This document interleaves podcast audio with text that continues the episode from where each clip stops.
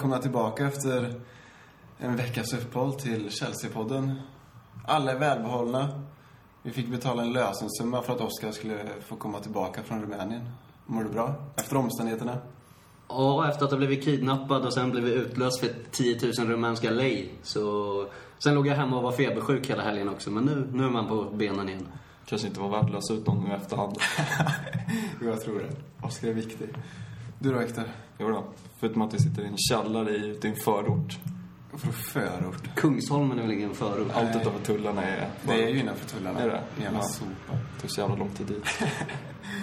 Nej, men det är väl bra. Fritzl-källaren. Ja, det känns bra. Det känns som vår studio. Eh, Får se om det kommer in någon granne så får ni väl ha överseende med det här. För vi sitter bredvid tvättstudion. Börja, börja på botten och sikta till toppen. Ja, precis. Och vi hade uppehåll som sagt förra veckan så det är fyra matcher som vi har spelat sen eh, på de dagarna. Så Swindon var de första vi slog ut ur ligacupen. En stabil 2-0-seger. Där Oskar trodde på förlust. Ja, man vet ju inte. Alltså, det, skrällar har ju skett förut. Nej, men det är väl såklart att man förväntade sig något sånt som det blev. En, en stabil seger helt enkelt. 2-0, vi är vidare. Inte så mycket mer att säga om det för att, ja, jag såg inte matchen så jag har inte så mycket att tillägga. Du missade ingenting. Det var första 30 minuter allting hände. Eh, Men det var en klockren startelva tycker jag av Mourinho. Med William, Mata och De Bruyne på offensiva mittfältet. Det var kul att se dem tillsammans. Det har inte gått så bra för De Bruyne efter det i och för sig. Nej, han tränade ju juniorlaget nu. Senast förra veckan. Han var i Stoja va? Ja, men det var väl... Ja, precis. Han, han åkte inte ner, men... Nej precis, han var kvar hemma och Ja, precis. med dem. Ja. Så han är- han är då är det väl naturligt att Ja. han liksom tränar med dem om det inte finns någon annan. Han är inte förpassad ner till juniorlaget. Nej, nej. Så det är skönt. Det roligaste med det var att vi blev lottade mot Arsenal. I nästa omgång. Så Ja, mycket vidare på straffar. Schysst, schysst lottning och speciellt i ligacupen så får man ju mer biljetter. Så Chelsea har fått 9000 biljetter till den matchen och det är nog det mesta Chelsea har fått till en bortamatch på, ja, jag vet inte hur länge, säkert 10 år. Det, så det ska bli riktigt kul för, för de som ska dit. Och biljetterna kostar bara 10 pund styck också. Jävlar! Eller 6000 av dem kostar 10 pund och sen är det några på övre läktaren, resterande 3000, de kostar 20 pund. Så det är riktigt bra priser, så det kommer nog bli bra drag på Emirates. Gå och kolla om ni har vägarna förbi. Det kan man rekommendera. Ja, verkligen. Mourinho har väl hintat om en lite annorlunda startelva som vi möter City på söndagen där och sen är matchen på tisdag. Ja, precis. Han sa väl något i stil med att uh, it's gonna be a great experience for the young, younger players. Och, ja, det är väl en hint om att han kommer spela ett lite yngre lag. Och det lär ju Arsenal också göra, för de har ju en tradition att, att göra det i ligacupen. Till och med när de var i final mot oss 2007 så spelade de ju det yngre laget och, yngre laget och bänkade dåtidens stjärnor som ja, Henry och vilka nu de hade på den tiden. De spelar i Barca idag säkert. Allihopa ändå. Ja, Fabregas var väl en av dem också. Nej, man undrar hur ungt laget ska vara. Alltså, vi har ju liksom tre, tre varianter kan man säga. Ett med de här lite äldre, sen har vi 90-talisterna och sen har vi ju mitten 90-talisterna man kan säga så. De som är födda 94, 95, 93 har vi säkert någon också. Så det är kul att se några av dem få en chans. Kanske Chaloba till exempel. Ja, det tror jag inte att vi kommer få. Vi pratade lite med några Chelsea-kompisar om det här just häromdagen. Att bara för att vi inte har vår första elva så kommer vi ju- det inte vara ett ungdomslag. Nej, det kommer ju ändå vara så här spelare som ja, Aspilicueta, Essien, kanske Cahill, Bertrand. Och vilka nu, nu mer kan vara liksom William, De Bruyne, beroende på vilka som spelar där. Och Eto'o eller Torres eller Dembaba. Det kommer ju vara rutinerade spelare ändå så vi kanske ändå bara kommer få se en eller två yngre spelare. Då blir de tidiga. Målvakten kommer 90-talisterna. säkert vara 40 år gammal. Det lär väl vara Schwartzes och det blir nog inte så mycket ynglingar ändå. Och då är det ändå en bättre elva än vi hade i Champions League-finalen när vi vann. Ja, nästan alltså. Det- Så det säger väl en del om, om bredden i truppen i dagsläget. Men annars, vad fan, det finns inte så mycket att säga mer om. Från Swindon-matchen. Nej, eller har du något intressant? Nah, Essien var kapten tillbaks på mitten, gjorde ju bra tycker jag. Eh, Van Ginkel såg ut som han skulle bryta knät där. Alltså, Han är ju borta ett halvår. Ja. Ja, riktigt trist faktiskt. Och där var det ju, hade ju möjlig, eh, Mourinho möjligheten att slänga in, var det Louis Baker som Ja, var på bänken? på Men han valde att sätta in Ramirez va? Som sen också varit skadad och gick ut. Precis, så där var ju ändå en antydan. Det stod väl 0-0 visserligen, men... Ja, han vågade inte riktigt satsa på ungdomarna, för där hade han verkligen chansen att släppa in en av de här talangerna. Det var ju Baker och Jamal som var utropstecknen på bänken den matchen. Och Mata var ju tillbaka i startelvan, kan man ju säga. Tillbaka och tillbaka, men han var ju från start igen. Ehm, gjorde det ju riktigt bra. Passade fram Torres två gånger. Ehm, Torres missade ju såklart. Ehm, Var det mot Swindon gjorde den här sjuka vändningen när han gjorde målet? vände bort tre spelare. Ja. Riktigt bra. Kul för honom. Ja. Sen blev han skadad också. Han också. Så lite skador. Det kommer ju alltid på säsongen. När det är som minst lämpat. Bra för Bas del. Han har inte spelat någonting förutom den senaste matchen så. Kul för honom. Men vi skiter i Swindon. De är så jävla tråkiga. Så går vi vidare mot några som vi hatar mer i alla fall. Tottenham. Som vi spelade 1-1 mot. Helt enkelt. Ja, det var ju en match som verkligen var uppdelad i två halvlekar. Första halvlek hade vi enormt svårt och Tottenham gjorde det väldigt bra också. och Förtjänade definitivt sin 1-0-ledning i paus. Sen andra halvlek, ett helt nytt Chelsea med Mata inbytt, kommer att verkligen köra över Tottenham. Och hade det inte varit för utvisningen på Torres så är jag övertygad om att vi hade ja, åtminstone gjort ett mål och då antagligen vunnit matchen med 2-1. Men nu blev det inte Det så. var ju full, full fart framåt från 46 när de drog igång andra halvlek och det känns som att Chelsea nästan gick för 2-1 redan innan de ens hade kvitterat. Ja, men lite så var det faktiskt. Det var den känslan. Man bara väntade på kvitteringen så att vi sen Så att kunde gå efter hinna göra två ledningsmål. mål. Ja. Precis. Eh, Då tog jag tog ut Mikel i halvtid eh, och satte in Mata. Eh, Så då var det ju Oscar tror jag som, nej Ramirez var det som fick gå ner på mitten tillsammans med Lampard. Som det ser ut i princip varje match nu. De gör det jävligt bra tillsammans. Ja, jag tyckte båda de två gjorde en väldigt bra match. Och, ja, men just att de vann mittfältet i andra halvlek och då kunde servera våra ja, trion där framme. Då. Och Tor- Torres som gjorde en Ja. fantastisk match också. Det är en av hans bättre i Chelsea-tröjan. Eh, Sen synd att den slutade på det sättet det gjorde med utvisning. Då. Lite löjlig utvisning. Han var helt sjuk. Jag kollade på den idag igen. Alltså, ja, vad tror ni att han filmar eller att han miss... Han blir träffad med bollen i ansiktet. Och, Första gången. Eller vad? Nej, andra gången när Torres får det röda. Eh, för de hoppar ju upp i nickduell och vet. Torres är inte ens på honom. De är ju catfightas lite med armarna liksom. Sen blir han träffad av bollen rätt i huvudet. Så att antingen så är det en tokfilmning eller så blir han träffad av bollen och får ont av bollen.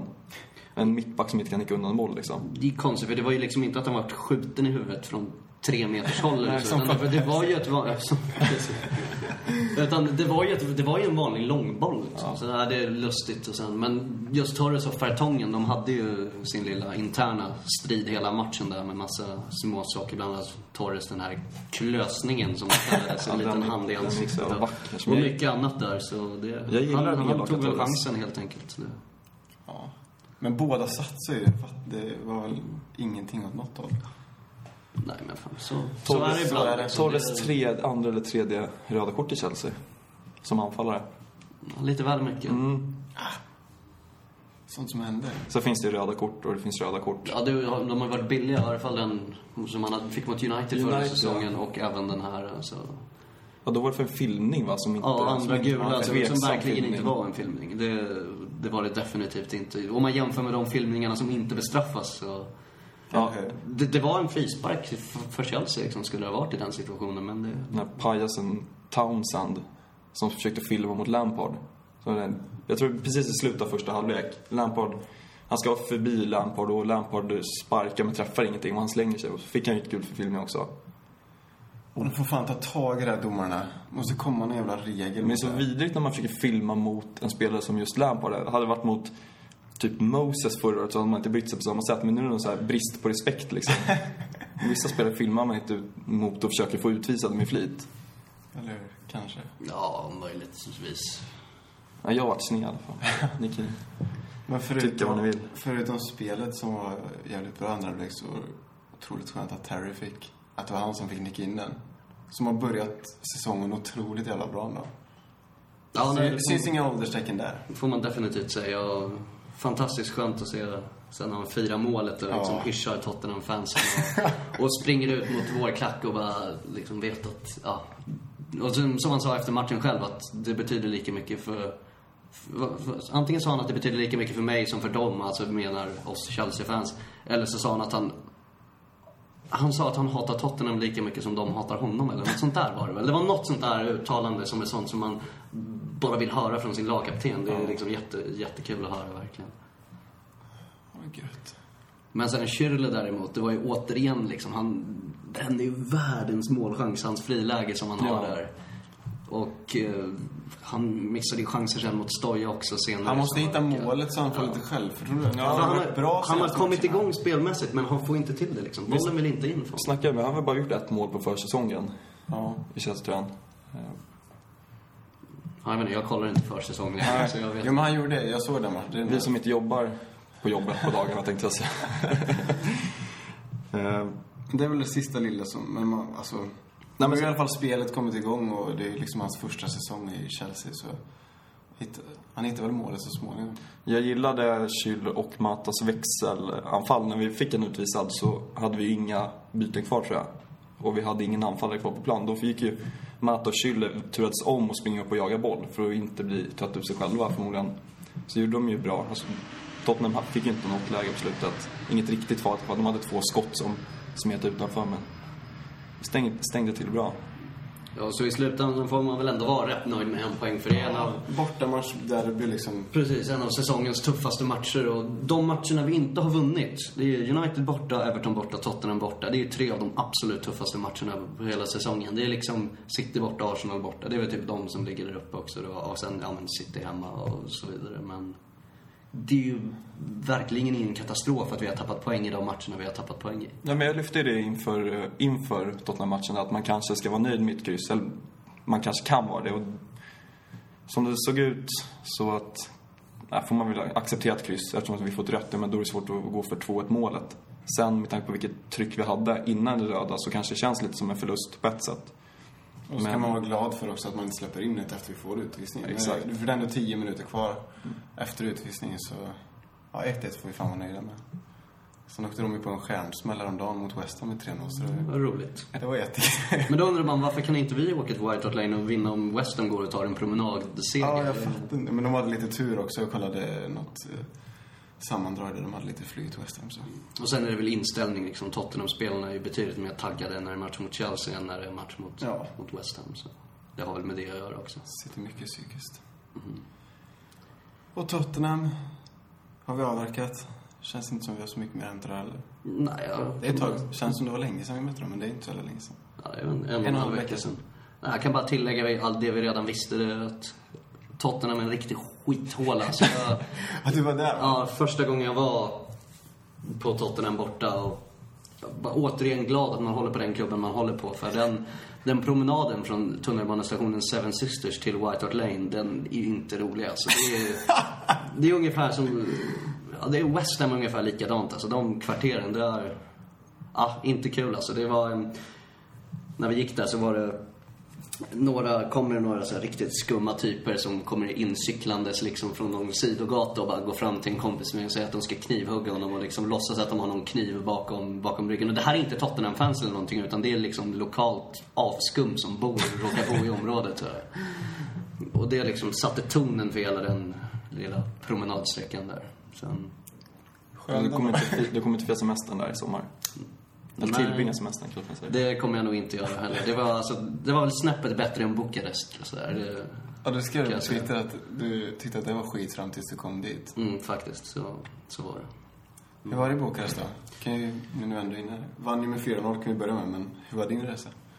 Det var bra. Vi åkte via Sofia, alltså Bulgarien. Förutom kidnappningen? Ja, förutom kidnappningen. Ja, den var ju mindre rolig. Nej, men vi åkte, jag och tre kompisar från England flög till, till Sofia i Bulgarien. Tillbringade en dag och en natt där och sen tog vi tåg upp till, till Bukarest i Rumänien då. Sofia och Bukarest, eh, det var skilda världar. Sofia, jättetrevlig stad. När vi var där var det så här 22-23 grader och sol. Folket var vänligt och ja, bara bra grejer att säga om Sofia. Vi ser det på solbrännan tänkte jag säga. Ja, jag förstår. Eh, sen kom vi till Bukarest då, raka motsatsen, typ konstant regn under nästan hela resan. Det var eh, på morgonen där när man skulle flyga hem, då hade det slutat regna. Men det regnade resten av resan. Alltså det var liksom vatten över hela gatorna. Det är knappt att ta sig fram. Det var vattenpölar överallt och konstant spöregn. Kallt och äckligt och vår hotellbokning hade det blivit något fel på så den funkade inte. Så vi fick leta upp ett nytt hotell, hoppade vi in i en taxi och den taxametern, det konstigaste jag hade sett, den gjorde ju som den ville. Den gick från så här 10 till 20 på en sekund och sen var den uppe på 50 och så här. Och sen kunde den stå stilla på, i några minuter och sen hoppade den upp till 80 och så här. Det var helt sanslöst. Och sen taxichauffören lurade ju oss igen, förutom att han körde i typ, ja, cirklar och lät taxametern gå sådär så bytte han sen ut våra sedlar när vi betalade och liksom visade att han hade fått mindre pengar än vad vi egentligen hade gett honom. Och Fan, det är inte riktigt läge att liksom börja tjafsa där så då Nej. ger man ju ännu mer pengar. Samma hände när vi skulle till matchen. Det var också så här att gav två 50-lappar så bara direkt han bara, håller han upp 60 lej som det heter då. Bara, nej, det gav bara 60 så här, en 50 och en Vad är det i 10. svenska då? Jag kommer inte ihåg nu, men alltså det var... Totalt blev vi väl ändå blåsta på utöver det vi faktiskt skulle betala. Ja, men någon hundring så här i svenska kronor på två taxiresor bara. Så det, ja, nej. Inga positiva intryck från, från den staden. Även om vi träffade en del trevligt folk när vi var ute på, på kvällen där. Kvällen innan match träffade vi några ultras från Rapid Bukarest som såklart inte gillar Stoja Bukarest. Så vi hängde en hel del med dem och så det var, nej de var riktigt schyssta. Var det ni som tog kontakt med dem eller tog de kontakt med er? De satt på bordet bredvid så började vi beställa in shots till dem så, och så kom de över och började snacka liksom. Och jag ville höra massa om Chelsea och om fotboll i England och, och så vidare. Och de berättade lite om Rumänien. Och de gillar egentligen inte Dan Petrescu för att han är ju också då gammal stoja men de accepterade att vi tyckte om honom för han var ju trots allt en bra spelare i Chelsea. Men var det riktiga ultras eller var det? Ja, ja, ja alltså det var det definitivt. De hade ultras-tatueringar och allting. Så det, Sådana som är med i The Real Football Factories. Ja, men det...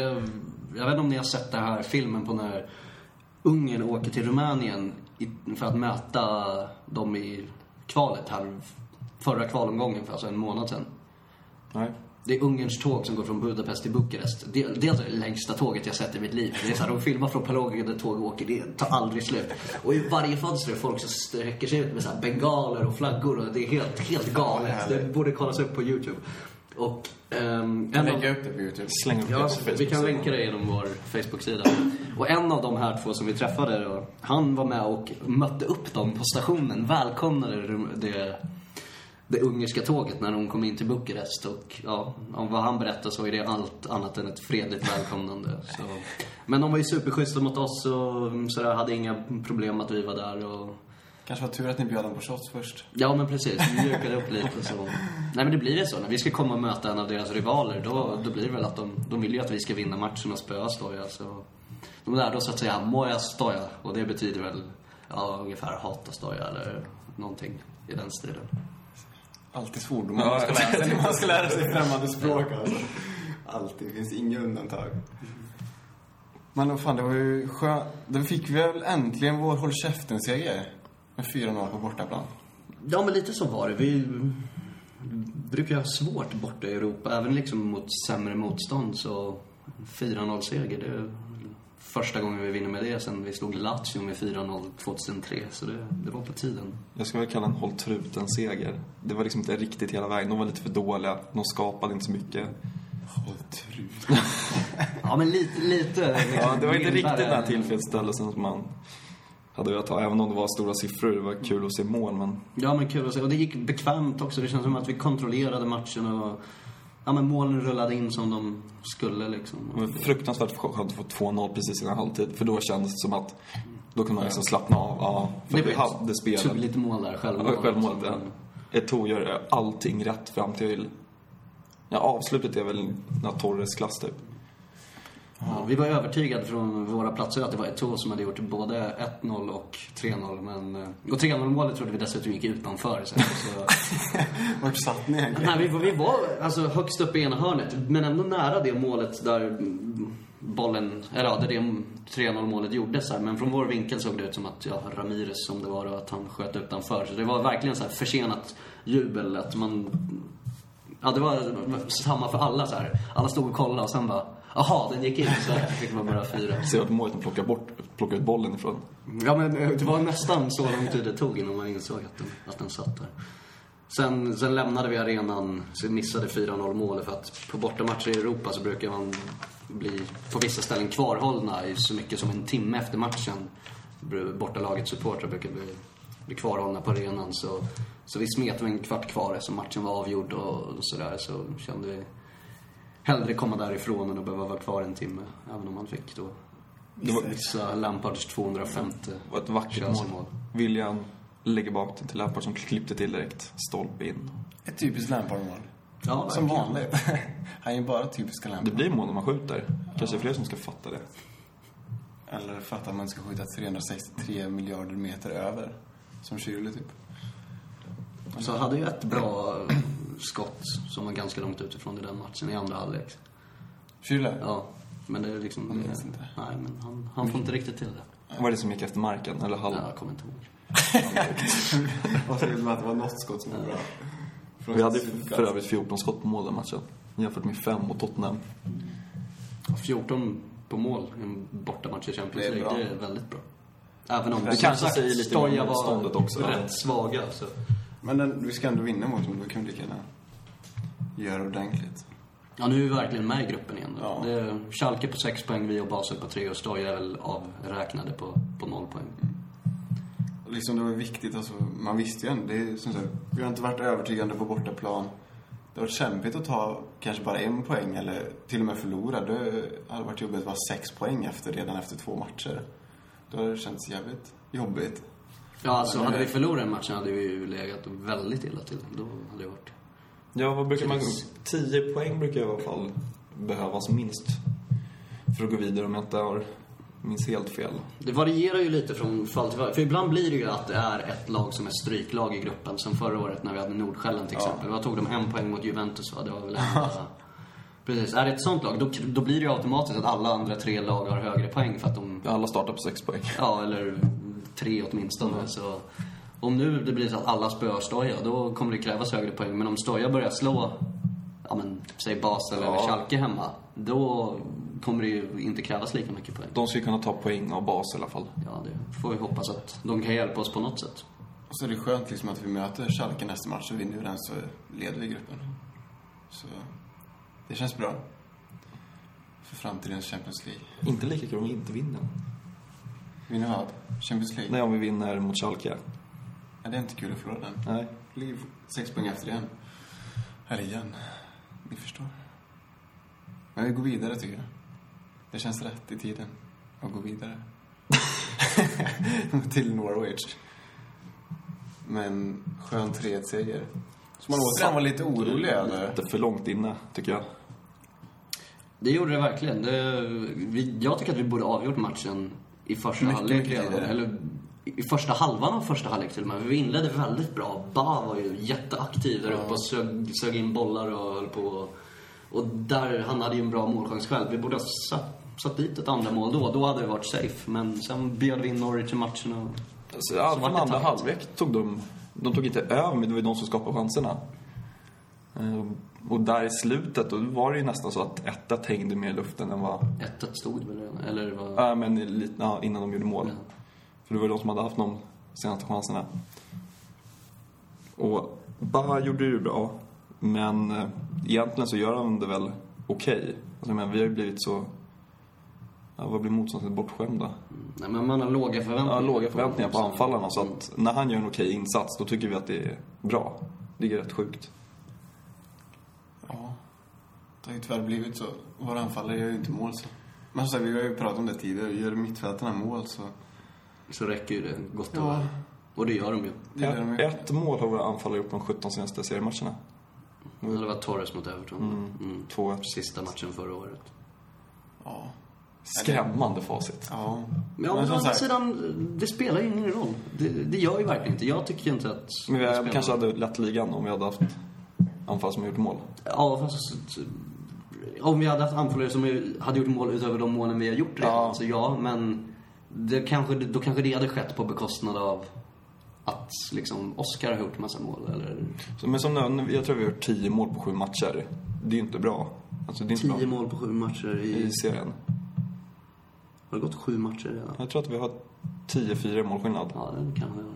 Jo, f- fyra vinster, två lika förlust. Mm. Det. Dag, dagens tystnad. Ja. Ja, men det är ju sk- alltså... Nej, jag försöker räkna mål Sjuka här siffror. huvudet, Liksom. Fyra insläppta, det är väl okej på sju matcher. Det Det är ju bra. 11 mål har vi gjort minst. Elva. Skitsamma. Jag kan räkna. Oskar kör lite snabb överslagsräkning nu. Sju, Åtta. Ja, 11 mål. 11 mål har vi gjort. Lägg ner ett jävla block. Ja, 11 mål. Ja, men 11 mål på sju matcher, det är väl inte Nej. supermycket. Det, är ju. Men som sagt, det, de resultaten vi har fått, vi, som vi sa, vi har spelat lika mot United och Tottenham borta. Och vi har förlorat mot Everton borta. Ja, man får ju se lite vad vi mött också. Så, ja fan. Vi har tagit poäng i dem, vi har vunnit de matcher vi ska vinna. Och tagit poäng i dem som man kanske hade kunnat förlora också. Så, Vänta tills Arsenal och Liverpool fått möta lite bra lag. ja. Det har de gjort, men, ja ja. Eller Arsenal, bara med ett skit. Ja, men det var en riktigt skön seger där mot Norwich också. Så att, Alltså- men man, jag trodde att vi skulle tappa poäng efter 1-1 målet för att Ja. vi hade varit så dåliga i andra halvlek. Och sen, men det gjorde vi inte. Det var ja, Alltså det positiva det är att att vinna i vi klarar liksom vrida om och lägga i högsta växeln när det väl behövs. Eh, Som vi har saknat att göra i många matcher tycker jag, när det har stått och vägt så här. Och att vi kan slänga in William och Hazard när det står 1-1. Vilken Det är också bänk, alltså. ganska stor skillnad mot föregående år. Verkligen. Och det var ju de som fällde avgörandet med Ja. varsitt mål. Jag tänkte på målet också. Eh, Då är det ett långt svepande inlägg från Martin Olsson tror jag, som Terry förlorar nickduellen i. Som resulterar i att Louise förlorar sin nickduell. Så det blir ju flipp, blir fram och tillbaka straffområdet. Vi förlorar två raka nickdueller. Och det är det som krävs för att de ska göra ett mål. Men sannolikheten att vi gör det, den är inte jättestor. Louise har ju varit hur bra som helst på huvudet. Eh, och Terry är också fortfarande bra på huvudet. Eh, så det är liksom så små saker som avgör. Och nu höll det på att ställa till att vi hade tappat två poäng ytterligare mot Norwich. Så att marginalerna är så fruktansvärt små. Så det är därför det är så himla viktigt att vi kan göra två eller tre mål redan innan det här händer. Ja, alltså en 1-0-ledning är ju inget man ska hålla på liksom, tro att det ska räcka till seger. Nej. Som du säger, det är en chans räcker ju för att...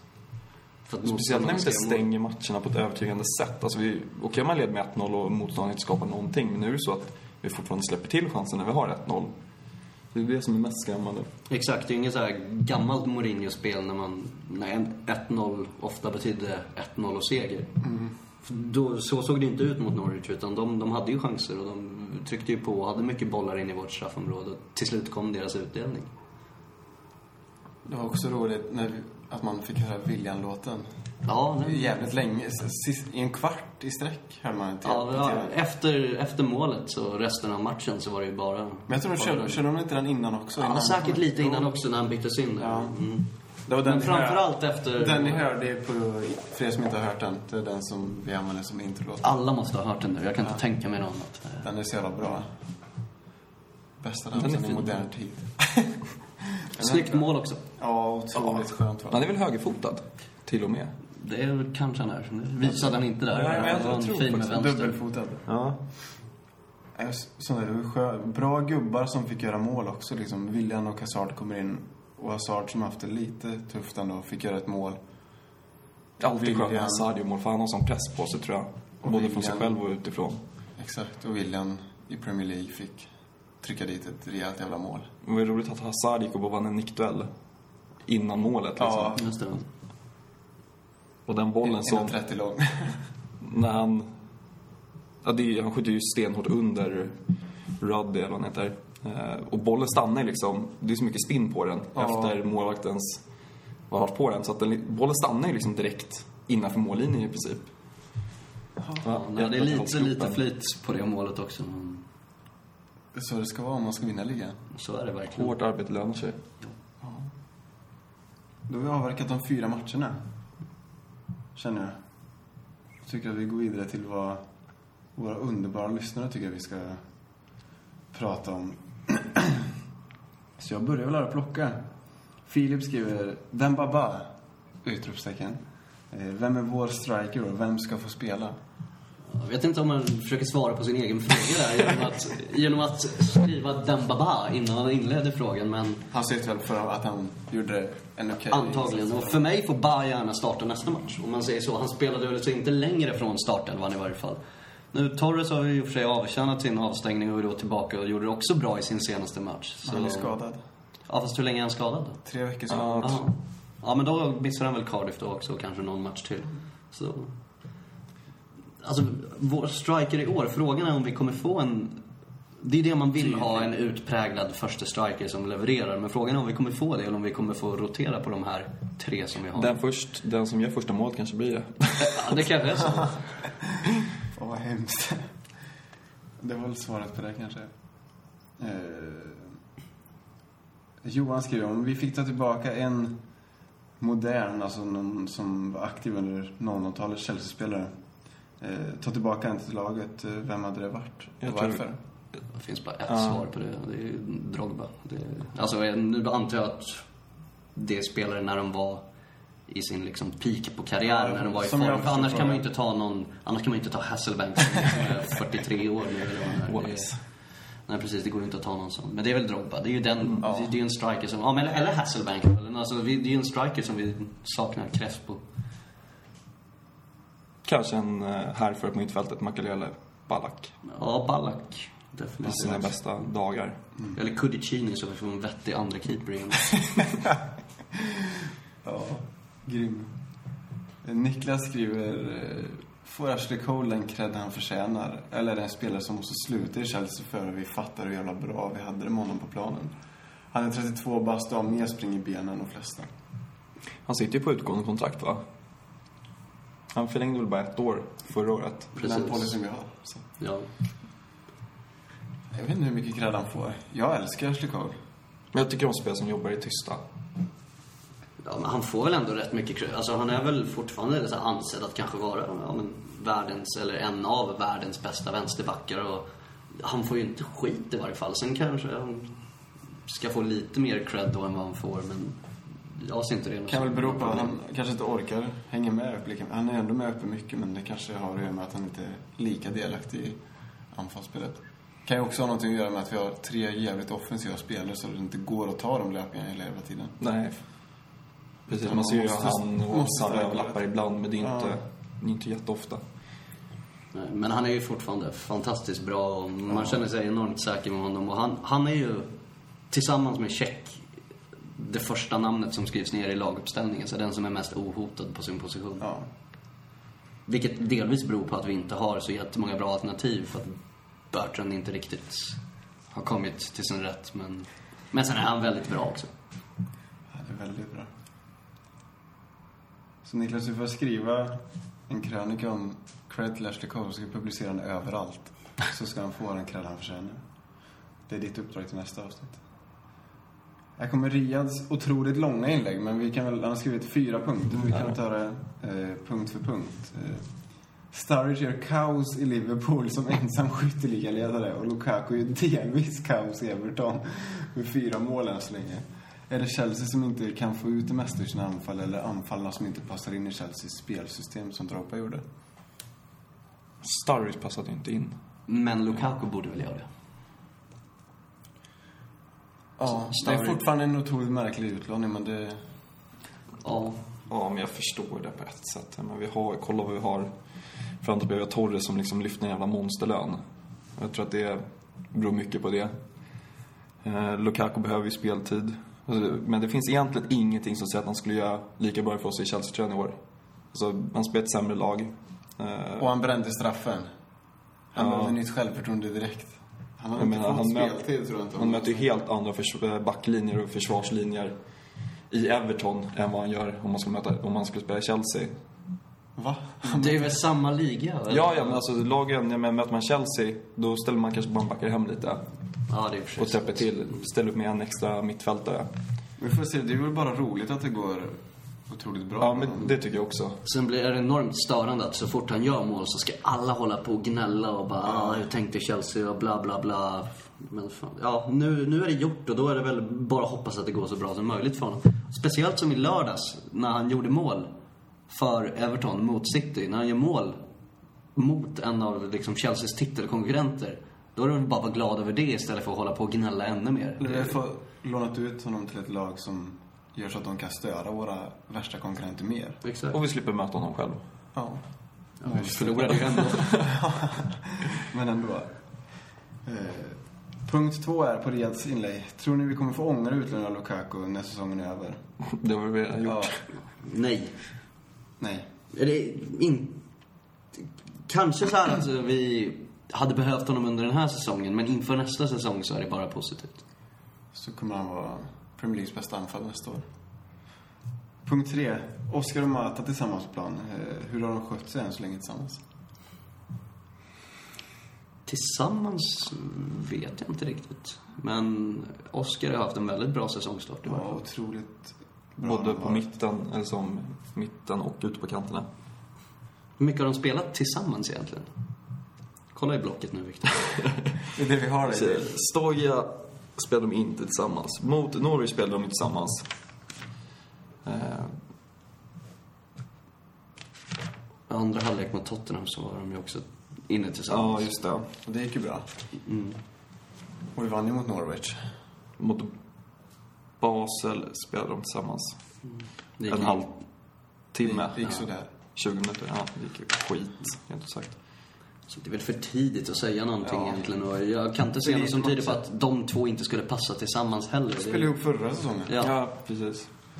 Så vi lämnar punkt tre. Det finns mer att önska, men Det har gått för lite för att göra någon utvärdering redan nu. Punkt fyra. Lite om våra konkurrenter till titeln. Vilka har sett starka ut och vilka har varit bleka? Arsenal har ju tyvärr tabellen. imponerat. eh, Kan de ta hem det för en gångs skull? nej. Nej.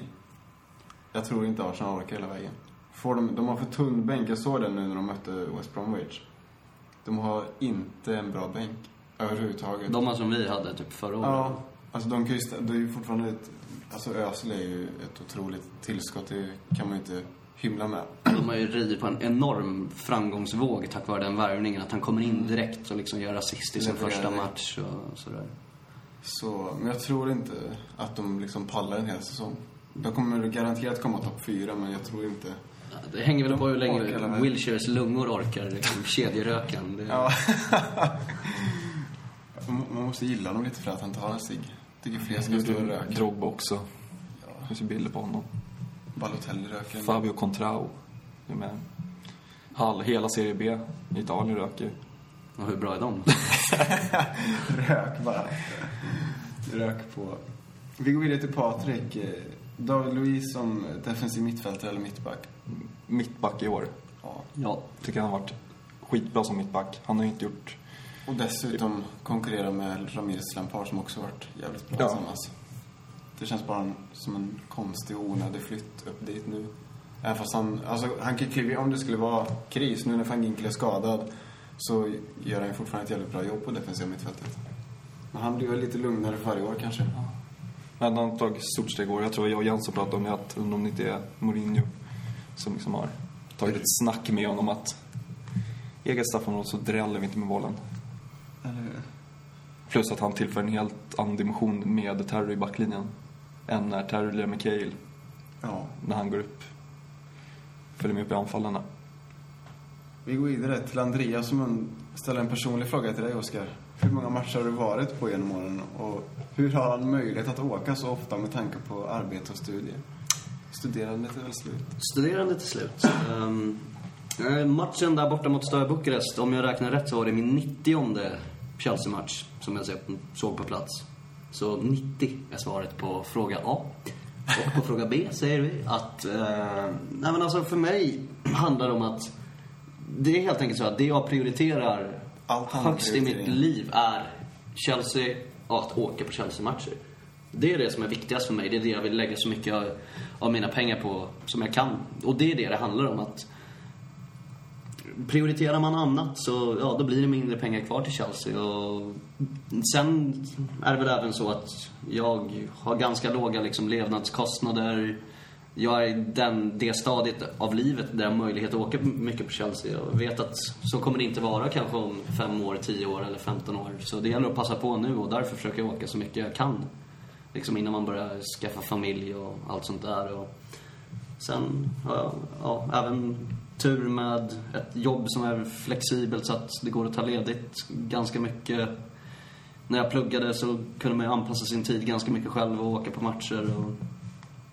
Sen var det även så att under min studietid så fick jag ju jobba varannan helg och missade väldigt mycket TV-matcher.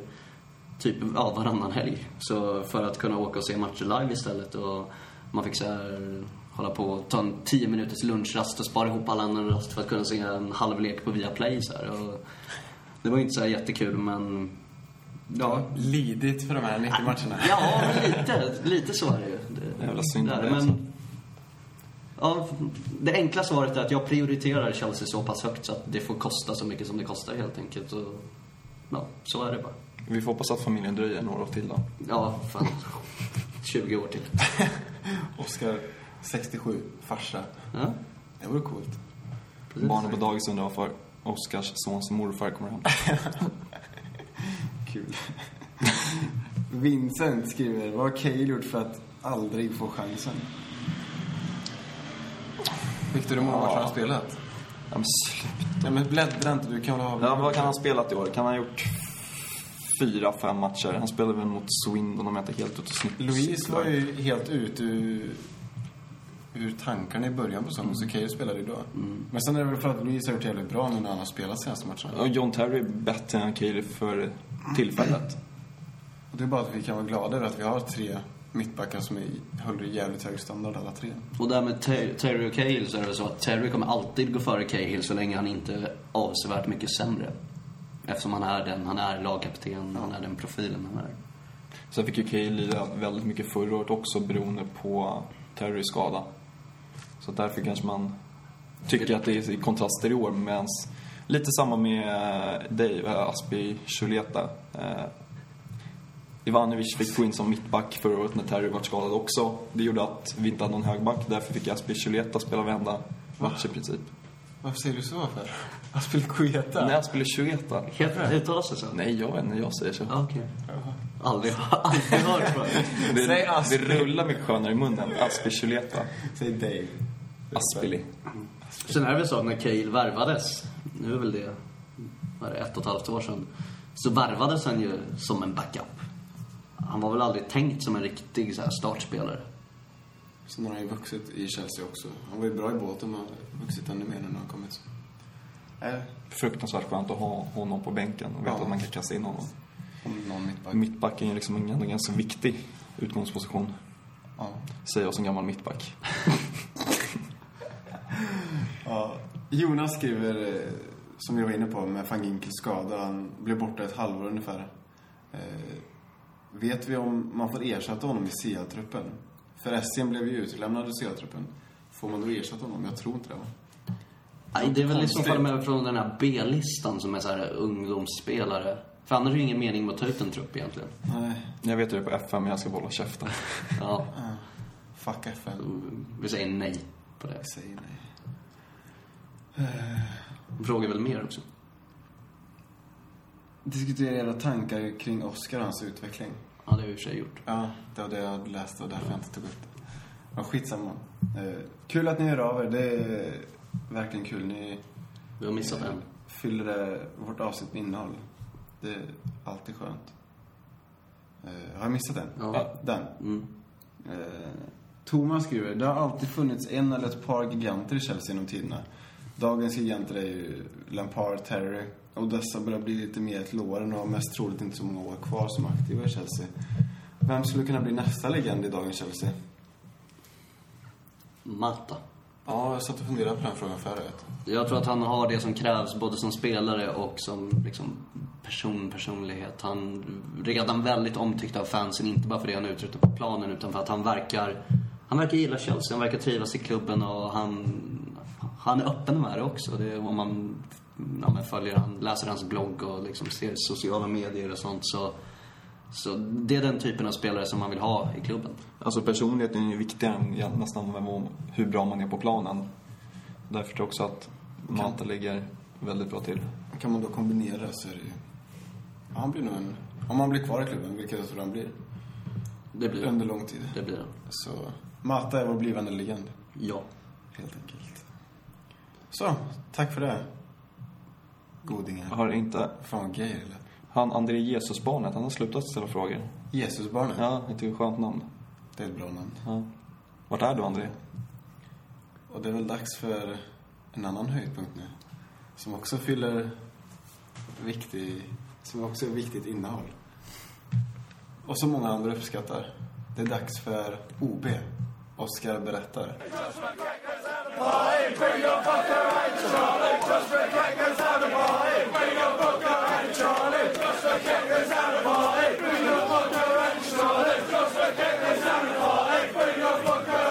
Ja, välkomna till Oscar berättar då. Och eh, den här veckan så ska vi prata om någonting som... Eh, eller vi ska prata om en person som vi har hintat lite om tidigare i ett tidigare avsnitt.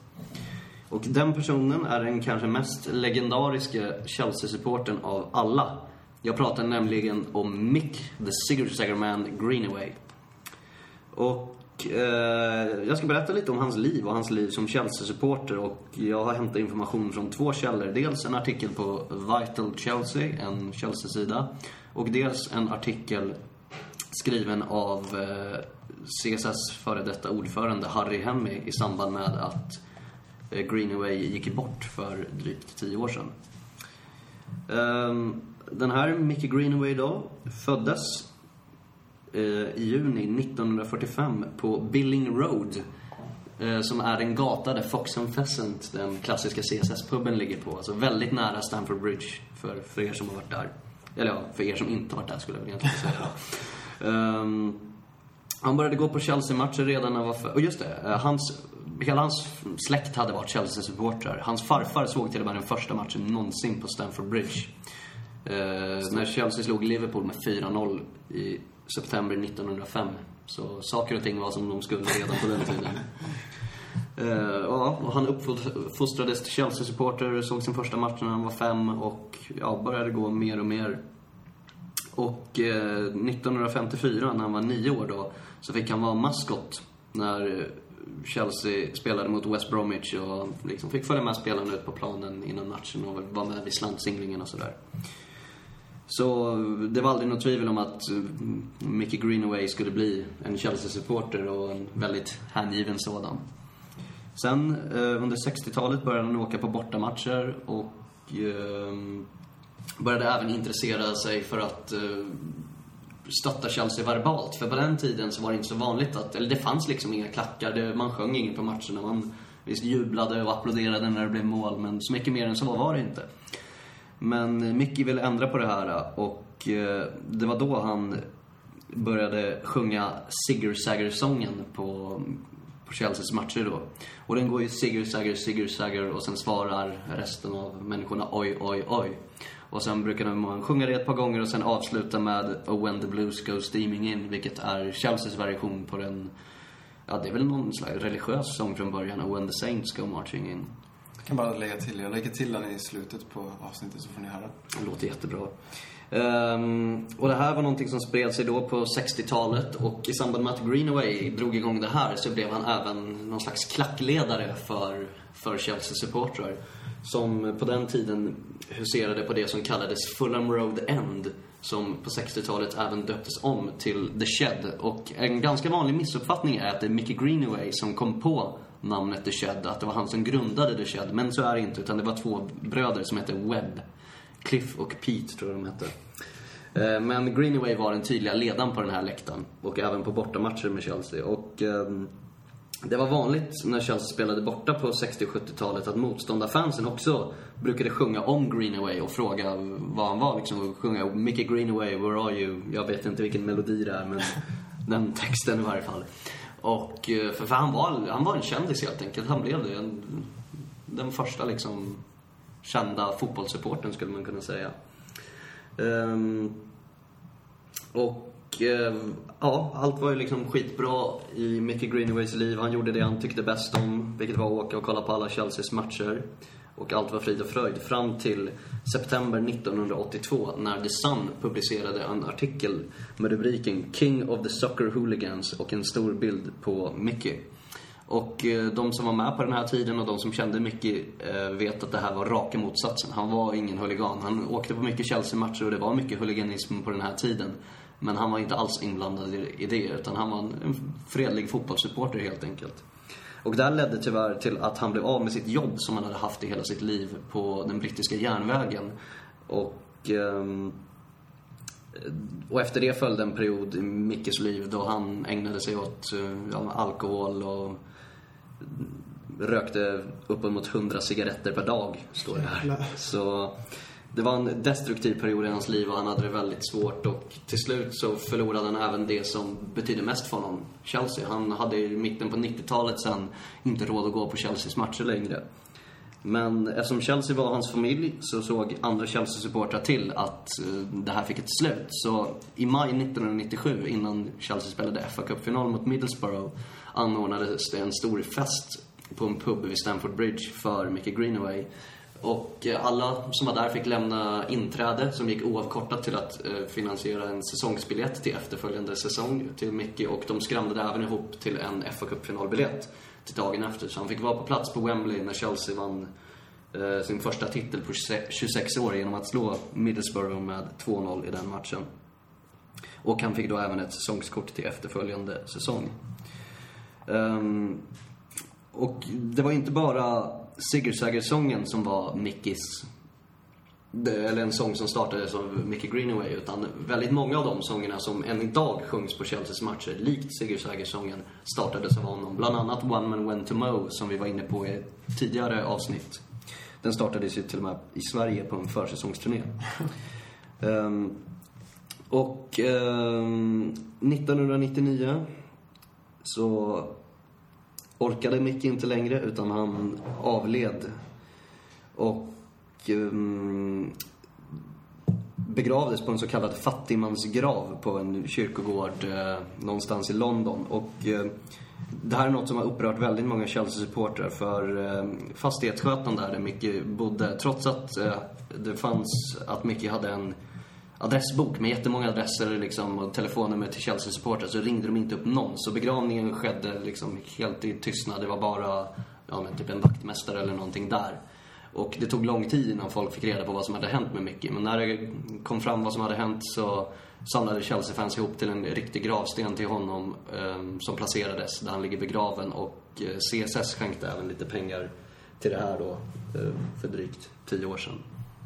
Så det slutade väl inte jättegott för den här legendariska Chelsea-supporten men det han har gjort för Chelsea och Chelsea supporterkultur, det går verkligen inte att underskatta. Det var en riktig profil och en riktigt positiv kraft på Chelseas läktare under flera decennier. Och ja, vi skulle behöva en ny sån i dagens tidsålder. Rest in peace, Mickey. Aldrig bortglömd. Man blir rörd av, alltså att... Sorgligt slut.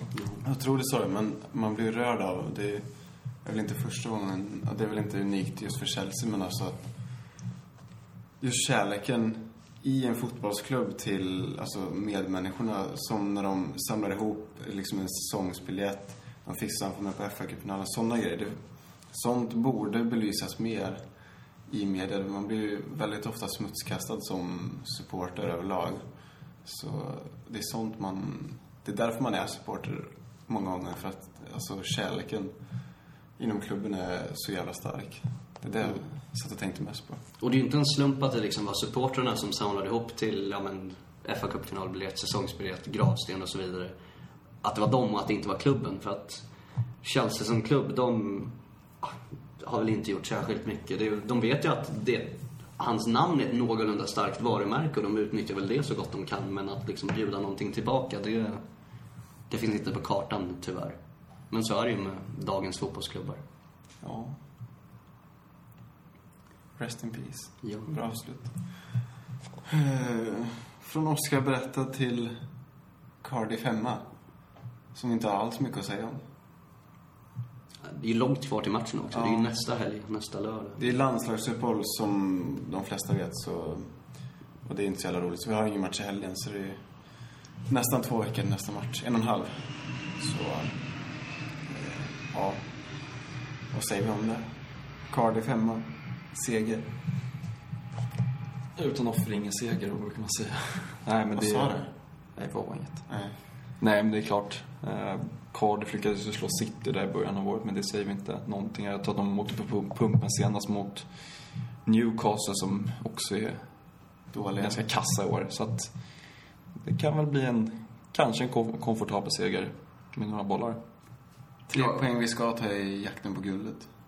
Eller titeln. Ja, hoppas verkligen det, att vi plockar den. Så vi lämnar det också, för Oskar har några ord om CSS. Ja, just det. Eh, kan först och främst upp, uppmana alla att bli medlemmar i vår supporterklubb. Vi har närmare 750 personer som har löst medlemskap för den här säsongen. Det är alltså Mot tusen. mot tusen, precis. Det, Hur ligger vi till mot förra året? jag har inte kollat hur vi låg till mm, vid samma tidpunkt, men det är väl Före ungefär liknande skulle jag tro. Det, vi hade 960 medlemmar totalt då, så det behöver 210 till för att komma upp i det. Men 250 ungefär för att komma upp i 1000 då. Ni har eh, tre månader ungefär på er att bli medlemmar, för vid nyår så stänger vi medlemsintaget. Så det är bara att lösa era medlemskap nu och det måste ni ha om ni ska med på, ja men åka på resor och sånt där. Medlemsresan. Medlemsresan bland annat. Och, och så. Vi har även en grej på gång till i vår som förhoppningsvis kan bli det bästa CSS-eventet på hemmaplan i Sverige. Det är, det är inte klart än, men det är på gång och ska väl inte säga allt för mycket, men... en spoiler. Ja, det är teaser menar du? Teaser, Ja. Men det finns många anledningar att bli medlemmar helt enkelt. Och en anledning är att vi har en CSS-träff här om några veckor i Västerås. Om exakt en månad från nu när vi spelar in. Den 9 november alltså. Så är det en träff på puben World of Beer i Västerås. Chelsea möter West Bromwich klockan fyra. Men vi samlas lite tidigare för vi har besök av eh, en kille som heter Peter Widlund som är scout för Chelsea. Han eh, är ansvarig för Norden och scoutar spelare i Norden, ja, främst Sverige då, men även de andra skandinaviska länderna. Och han kommer komma dit, berätta lite om sitt arbete och säkert ge en hel del spännande information om vad som händer i Chelsea, sånt som man normalt inte får veta. Så alla som kan tycker jag ska ta sig till Västerås då, dels för att få höra allt som Peter har att säga och även för att få träffa andra CSS-are, se en match ihop med folk och ta några öl och ha kul tillsammans bara. Åh, gött, helt enkelt. Västerås är en trevlig stad också. Jag har varit där och jobbat lite. Det har det är skitbra. Eh, så vi är ett gäng från Stockholm som kommer ta tåget upp där. eh, Upp? upp eller ja, lite, lite, lite norrut är det faktiskt. Lite. Va? Ja. Lite, inte mycket. Det beror på om man åker över eller under, vad heter det? Ja, fast det går ju inte att, Du kommer inte till Västerås om du åker söder om Mälaren. Kommer komma ju. Det är, Ja, då måste vi åka runt Örebro och tillbaka. Alltså. det är frågan vilket som är närmst. Ja, det, det, nej, det är verkligen ingen fråga. Men det är inte det viktiga. Utanför tullarna. Så Skitsamma. Åk dit i varje fall. Det blir kul. Och det finns information om det på... Ja, det är på vår hemsida som vanligt. Antingen direkt på chelseasweden.com eller genom Svenska fans. Exakt. Vi har pratat i en timme nu. Känns som det var det rekordavsnitt. räcker för idag. Eller är det någonting ni vill ta upp? Jag har ju lite grejer här kvar till slutet. Fan, har du Jag vet skrivit inte ens om vi ska ta upp det. Jag ska bara kolla igenom lite snabbt. Jag hade några anteckningar. Nej, vi skippar det. Nej, vi hade inget. Så... Eh, kul att ni lyssnar. Fortsätt höra av er med frågor. Eh, mejla oss om det är någonting på chelseapodden, gmail.com. Gilla oss på Facebook. Vi har snart 500 likes. Vi behöver typ Ja, vi tre, behöver, fyra till eller något. ja, vi, 100. behöver, vi behöver tusen till. Vi måste bli Ja, men för att komma upp i 500 först. Jaha, okej. Delmål, Victor. Mm. Delmål. Ett steg i taget. Yes. Följ oss på Twitter, Chelseapodden där också. Sen så, ni lyssnar ju via antingen direkt på chelseasweden.com eller Svenska fansappen. Ni som har Android lyssnar i IPP Player pod, pod, IPP Podcast Player och eh, ni som har iPhone lyssnar i appen Podcast helt enkelt. Ska vi ta tag i Spotify igen, eller? Vi började med, sen la vi lite på is. Ja, det är så jävla krångligt. De jävlarna. Ah, vi får se. Vi får se. Men som sagt, vi hörs inte... Ska vi inte tippa Cardiff-matchen också? Ska vi göra det? Det är klart vi ska. Vi, vi gör typ så jävla seriöst. Ja. Jag, jag börjar. 4-0 tror jag vinner med igen. Jag skulle säga 4-0, så då säger jag att det blir 1-0. Cardiff får rött och vi vinner med 5-0. Vi ser. Så Seger Säger avslutar vi med, så får ni ha en trevlig helg och så hörs vi om en och en halv vecka igen. Ha det bra, gott folk. Hej. Peace. Peace.